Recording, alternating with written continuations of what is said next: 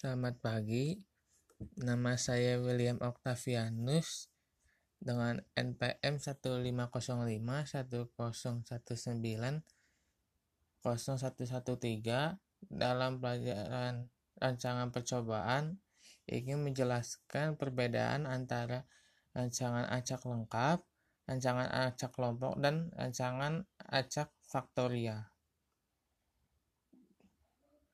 Di sini yang nomor pertama perbedaan ketiga hal tersebut jika dilihat dari kapan uh, eh, RAL dan RAK dan faktorial itu digunakan. Untuk RAL sendiri digunakan apabila satuan percobaan benar-benar homogen. Misalnya percobaannya di dalam laboratorium atau di rumah kaca. Yang kedua, apabila tidak ada pengetahuan dan informasi sebelumnya mengenai kehomogenan suatu percobaan. Yang ketiga, apabila jumlah perlakuan hanya sedikit dan di mana derajat bebas galatnya juga akan kecil.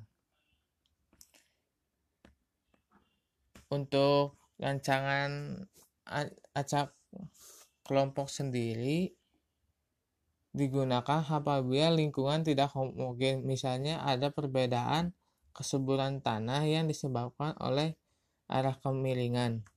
Maka rancangan lingkungan yang tepat adalah rancangan acak kelompok. Untuk rancangan faktorial itu sendiri digunakan apabila eksperimen terdiri dari dua faktor atau lebih. Desain faktorial memungkinkan kita melakukan kombinasi antara level faktor. Pada tiap kombinasi faktor, jumlah replikasi yang dilakukan sebanyak n. Dalam desain faktorial, jumlah level di tiap level faktor atau jumlah replikasi yang dilakukan mungkin tidak sama. Desain faktorial seperti ini disebut unbalanced design faktorial.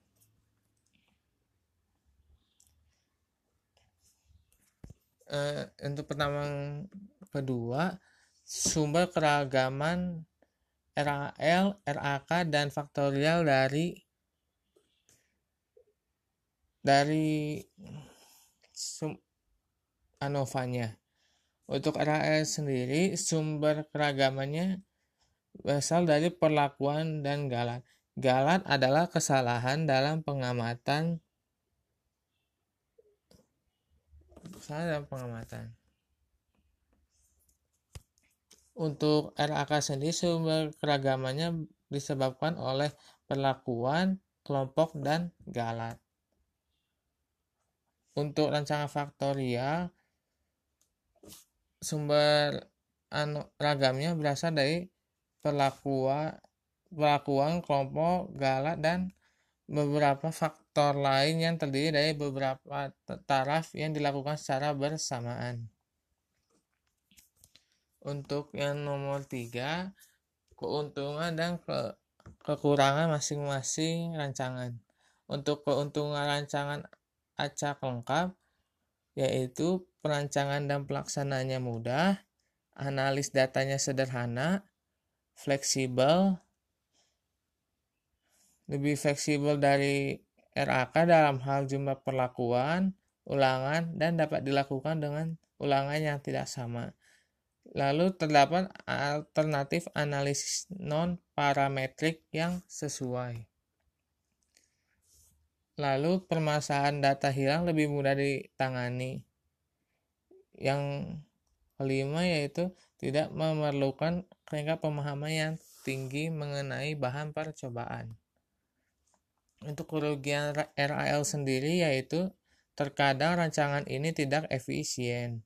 Lalu tingkat presisi percobaan mungkin tidak memuaskan kecuali unit percobaan benar-benar homogen. Yang ketiga, hanya sesuai untuk percobaan dengan jumlah perlakuan yang tidak terlalu banyak. Yang keempat, pengulangan percobaan yang sama tidak konsisten apabila satu percobaan tidak benar-benar homogen terutama apabila ulangannya sedikit. Untuk keuntungan rancangan acak kelompok sendiri yaitu lebih efisien dan akurat dibandingkan dengan RAL. Lebih fleksibel karena banyak perlakuan, banyak ulangan atau kelompok dan tidak semua kelompok memerlukan satuan percobaan yang sama. Yang ketiga, penarikan kesimpulan lebih luas karena kita juga melihat perbedaan di antara kelompok. Untuk kerugian RAK sendiri yaitu memerlukan asumsi tambahan untuk beberapa uji hipotesis. Interaksi antara kelompok-kelompok perlakuan sangat sulit.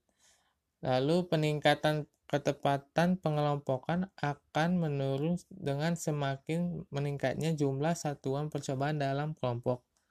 Yang keempat, derajat bebas kelompok akan menurunkan derajat bebas galat, sehingga sensitivitasnya akan menurun, terutama apabila jumlah perlakuannya sedikit atau keragaman dalam satuan percobaan kecil-kecil. Yang kelima, memerlukan pemahaman tambahan tentang kegeragaman suatuan percobaan untuk suksesnya pengelompokan. Lalu, jika ada data yang hilang, memerlukan perhitungan yang lebih rumit. Untuk keuntungan faktorial tersendiri yaitu lebih efisien dalam menggunakan sumber-sumber yang ada. Yang kedua, informasi yang diperoleh lebih komprehensif karena kita bisa mempelajari pengaruh utama dan interaksi. Yang ketiga, hasil percobaan dapat diterapkan dalam suatu kondisi yang lebih luas karena kita mempelajari kombinasi dari berbagai faktor.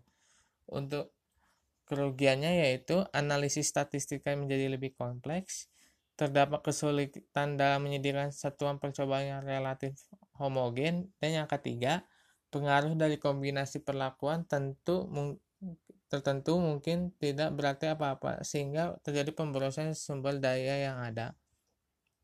Sekian dari podcast ini. Apabila ada kesalahan kata eh, mohon dimaafkan. Terima kasih